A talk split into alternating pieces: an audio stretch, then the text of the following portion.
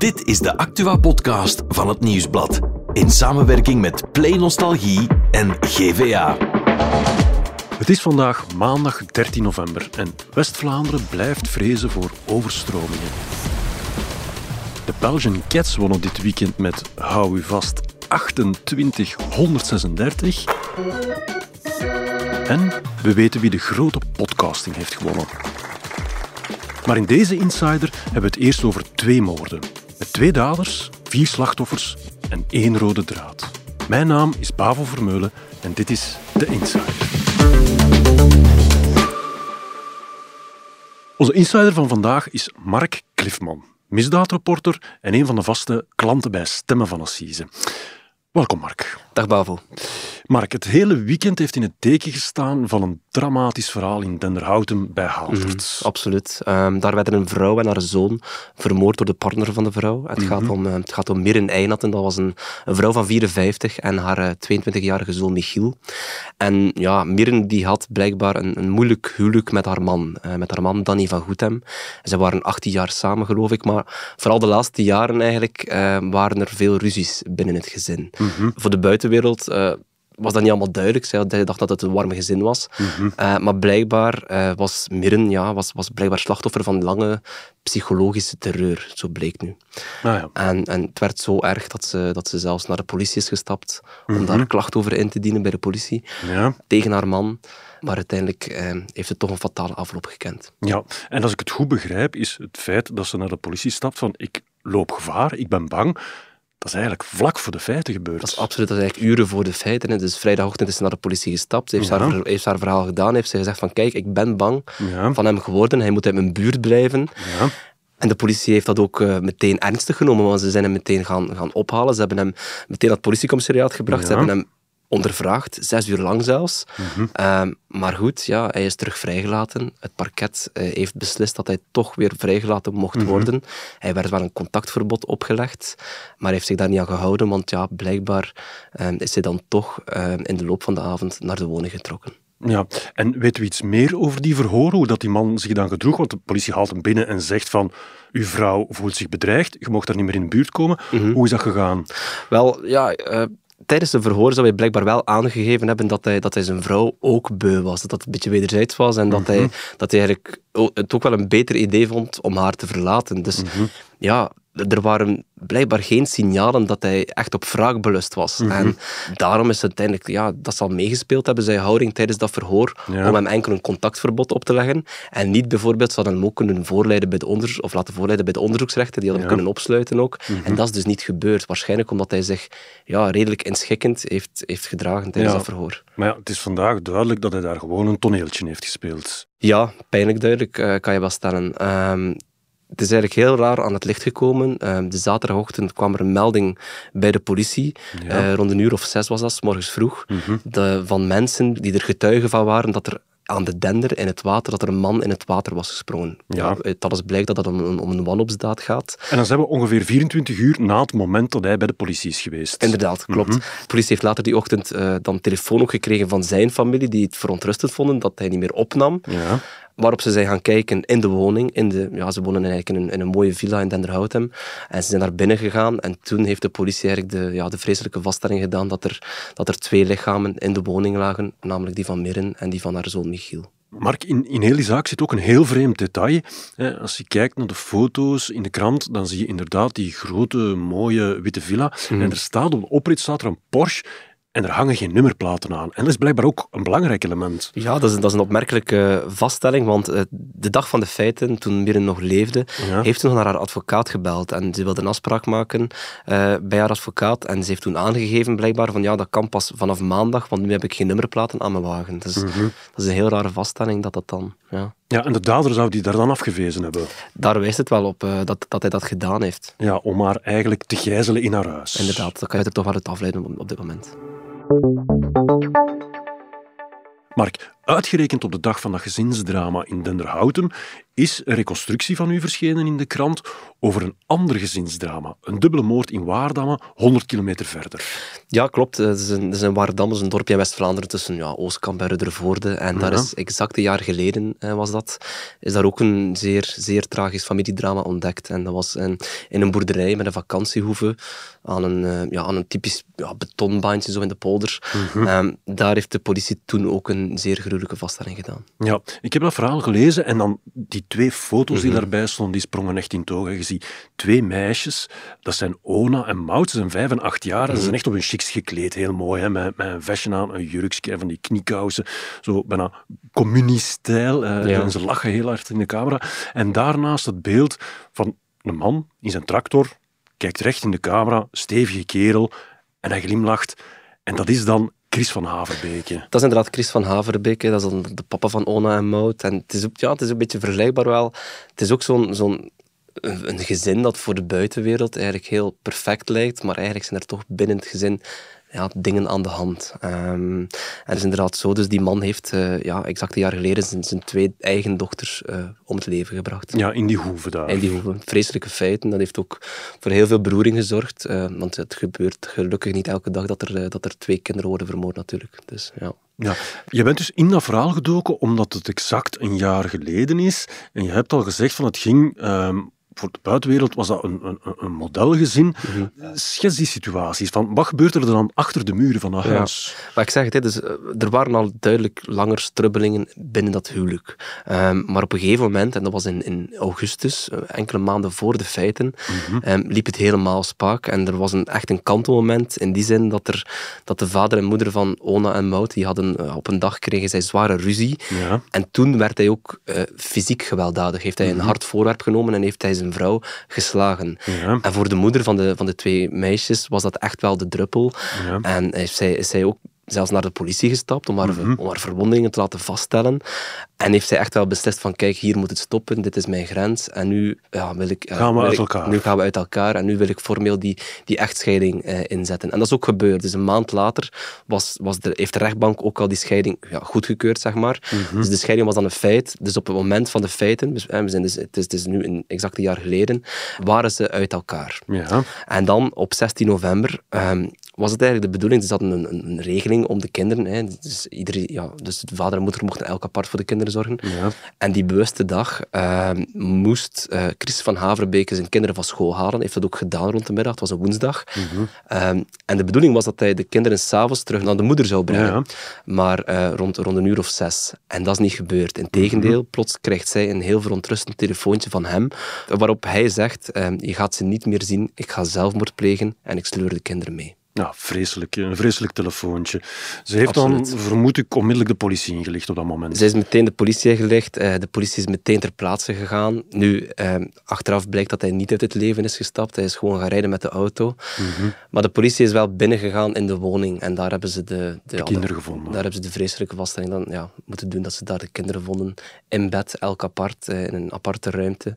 En ze waren ja, duidelijk om het leven gebracht. Ze waren met, door verstikking om het leven gekomen.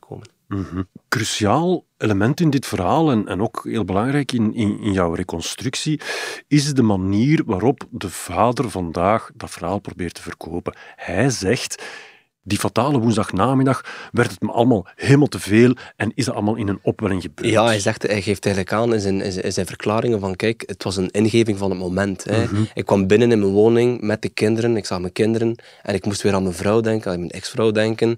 En toen ja, heb ik de beslissing genomen. Nu, eh, het onderzoek ja, is onder- ondertussen een jaar bezig en dat heeft wel heel veel eh, dingen aan het licht gebracht natuurlijk ook. En En ook dingen die bewijzen dat het onzin is. Dat het die dat toch op zijn minst aantonen. Zo is er bijvoorbeeld ja, heel veel telefonie- en computeronderzoek gedaan, waaruit blijkt dat hij eh, al veel langer googelde naar, naar familiedrama's, die dat, opzo- dat opzoeken op internet. Ehm, dat zou zelfs al begonnen zijn vanaf september, dus eigenlijk twee maanden voor de feiten al. Dus dat is een zeer ja, allee, verontrustende vaststelling, denk ik. Bovendien, de manier waarop hij ze, de kinderen om, om het leven heeft gebracht, hij heeft, om, om ze te laten verstikken, heeft hij, ja, heeft hij, heeft hij PMD-zakken gebruikt om rond hun hoofd te doen en dan vast te binden met spanbanden. Maar op geen enkel moment blijkt hij, ja, is hij op zijn stappen teruggekeerd, terwijl dat perfect mogelijk was. En dat is ook niet gebeurd. En dan daarnaast is er ook nog andere, ja, zijn er nog rare, rare vaststellingen, zoals hij had op Facebook een, eh, een bericht gepost na de feiten. Ja. Dat was ook rond zes uur s'avonds. Um, had hij een Facebook met spijtbetuigingen, eh, had hij daar een bericht van op Facebook geplaatst. Maar blijkbaar was dat bericht ook al de dag voordien opgesteld. Dus Oh, nee. dat zijn allemaal zaken die, ja, die het toch moeilijk maken om die voorbedachtheid te betwisten in die zaak. Ja. Ja, dat is duidelijk, Mark. Als je die dingen bij elkaar optelt, dan staat die man wel een stevig proces nog te wachten. Absoluut. Oké, Mark, dat zijn twee zeer dramatische verhalen. En het is echt moeilijk om niet die rode draad in die twee verhalen te zien. Hè. Je hebt twee bange vrouwen, twee agressieve mannen. En twee keer is de politie op de hoogte en lopen toch fataal af. Ja, je, je kan de zaken natuurlijk niet één op één vergelijken. En er is natuurlijk ook een verschil. In, in, in de zaak van Waardamme is de moeder niet vermoord, maar ze is wel duidelijk echt in het hart geraakt als je, als je twee dochters eh, om het leven worden gebracht. Maar dat er een probleem is, is duidelijk, denk ik. En, en het is, het is, ja, dat, is, dat is politie en justitie ook niet ontgaan. Er, eh, in ons land worden er eh, buitensporig vaak eh, veel vrouwen blootgesteld aan intrafamiliaal geweld. Ik heb eens bekeken wat de cijfers daar rond zijn en blijkbaar registreert de politie jaarlijks 20.000 aangiftes van stalking. En dat is waarschijnlijk nog maar het topje van de ijsberg, want niet alles wordt gemeld bij de politie, veronderstel ik. Ja. Dus ja, dat is, dat, is een, dat is een zwaar probleem, absoluut. Mhm.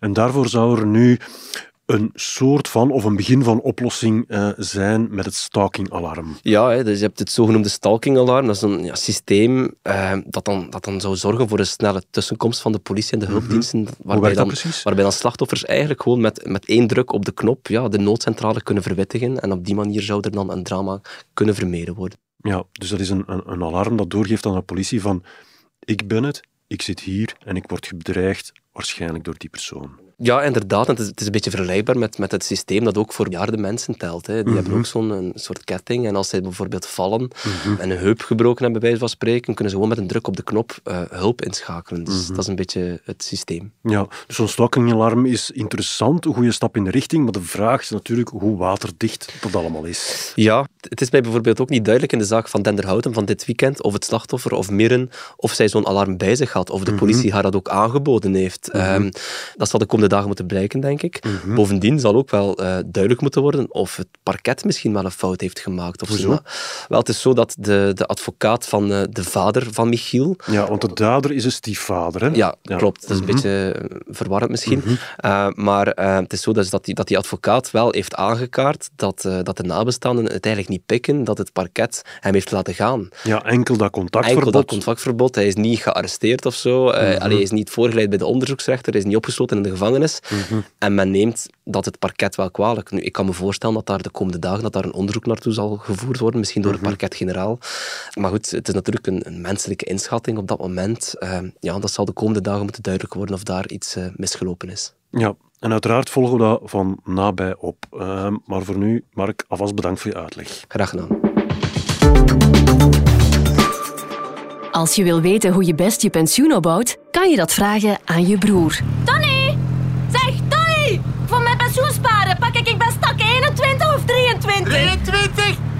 120 pk, ja! Hoort er eens! Je kan er dus maar beter over praten met de experten van KBC. Via Kate en KBC Mobile, via KBC Live of gewoon via je kantoor of agentschap. Jouw leven, jouw plannen. KBC. Beweegt met je mee. Voor het andere nieuws van vandaag is producer Bert er komen bijzitten. Hey Bert. Dag Bavo. Dit weekend um, is er opnieuw heel hard gevochten tegen alle waterellende Ja. in West-Vlaanderen. En het gevaar is zelfs nog niet geweken. Nee, nee, nee, nee, nee want uh, ja, het blijft natuurlijk regenen. Uh, Mhm. Vandaag ook nog met stevige regenzones.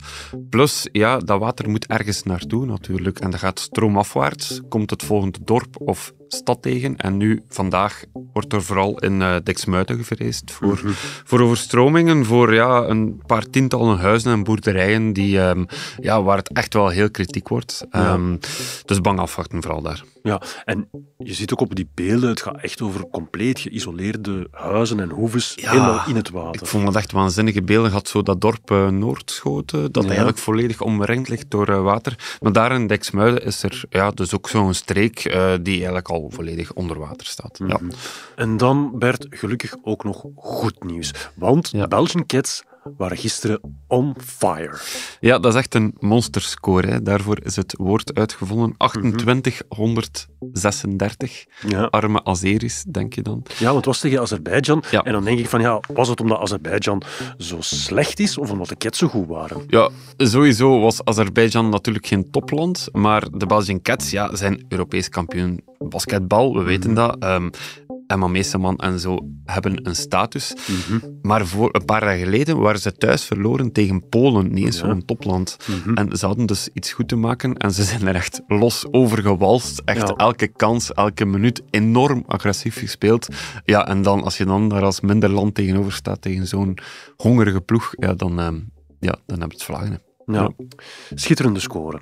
En uh, Bert, ik zag daarnet ook dat je hier aan tafel kwam zitten met een klein beetje kleine ogen, een beetje, beetje pips in het gezicht. Misschien hoor je het ook aan mijn stem, ja. ik weet het niet. Ja. Het was podcastfestival hè, dit weekend, mm -hmm. uh, dus uh, voor ons wel een beetje een hoogtepunt in het jaar. Uh, het was heel plezant en mm -hmm. voor iedereen die erbij was, hopelijk hebben jullie ervan genoten. Wat ook dit podcastfestival zo speciaal maakte, was dat het het slot was van de grote podcastwedstrijd van het Nieuwsblad. Ja, inderdaad. de winnaar van de grote podcasting is bekendgemaakt. We hebben daar eigenlijk een half jaar over gedaan van, om van 380 inzendingen naar Och, één winnaar te gaan. Mm -hmm. ja, ja, ja. En dat is geworden voor de eer van ja. Debbie de Ridder. We gaan misschien eerst naar een fragmentje luisteren. Het werd niet beter. Dan was de situatie van thuis nog erger. Toen begon de miserie pas echt. Net voordat ik 18 werd, heeft mijn papa een jongen gekozen voor mij om te trouwen. Die jij niet kent? Die ik niet kende. Okay. Nooit gezien, nooit gehoord, niks. Ik was al verloofd. Tot op het punt dat Dunja begon te vrezen voor haar eigen leven. Kan in één avond veel dingen gebeuren. Hè? Daarom was ik zoveel bang. Heeft mij veel geslaan en echt niet normaal. Dus daarom dacht ik, dat kan hij ook doen. Voor de eer kan hij alles doen. Ja, dat lijkt me een heel straf verhaal. Ja, ja, ja, dat is het ook wel. Um, het is het verhaal van Dunja, een Afghaans meisje, die um, naar België is gekomen in een hele zaak rond familie-eer en ja, echt, ze werd echt wel met de dood bedreigd op een bepaald moment.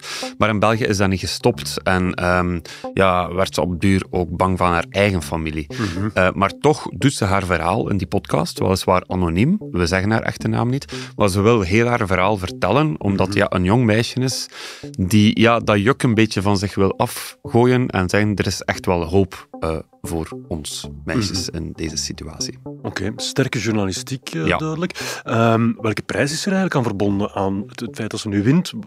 Wat wint de maakster? Um, het is zo dat dus de vijf genomineerden allebei, uh, alle vijf een, een pilot mochten maken. Mm -hmm. um, een eerste aflevering. Nu, Debbie is gewoon, zij mag een hele reeks bij ons maken. Ah, ja. um, en die reeks ja, die gaan we de komende maanden gewoon maken. We gaan dit verhaal gewoon volledig vertellen in een aantal afleveringen. En dat zal ja, in 2024 bij het Nieuwsblad verschijnen. Oké, okay, zeer mooi. Ik ben blij dat de podcastfamilie weer wat groter geworden is, Bert. Dat is hartverwarmend, hè.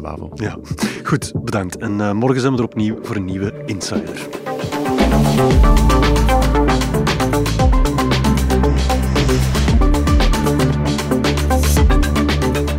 The Insider, een podcast van het Nieuwsblad in samenwerking met Play Nostalgie en GVA. De muziek is van Pieter Santens. De montage gebeurde door House of Media. Wil je reageren? Mail naar podcast.nieuwsblad.be.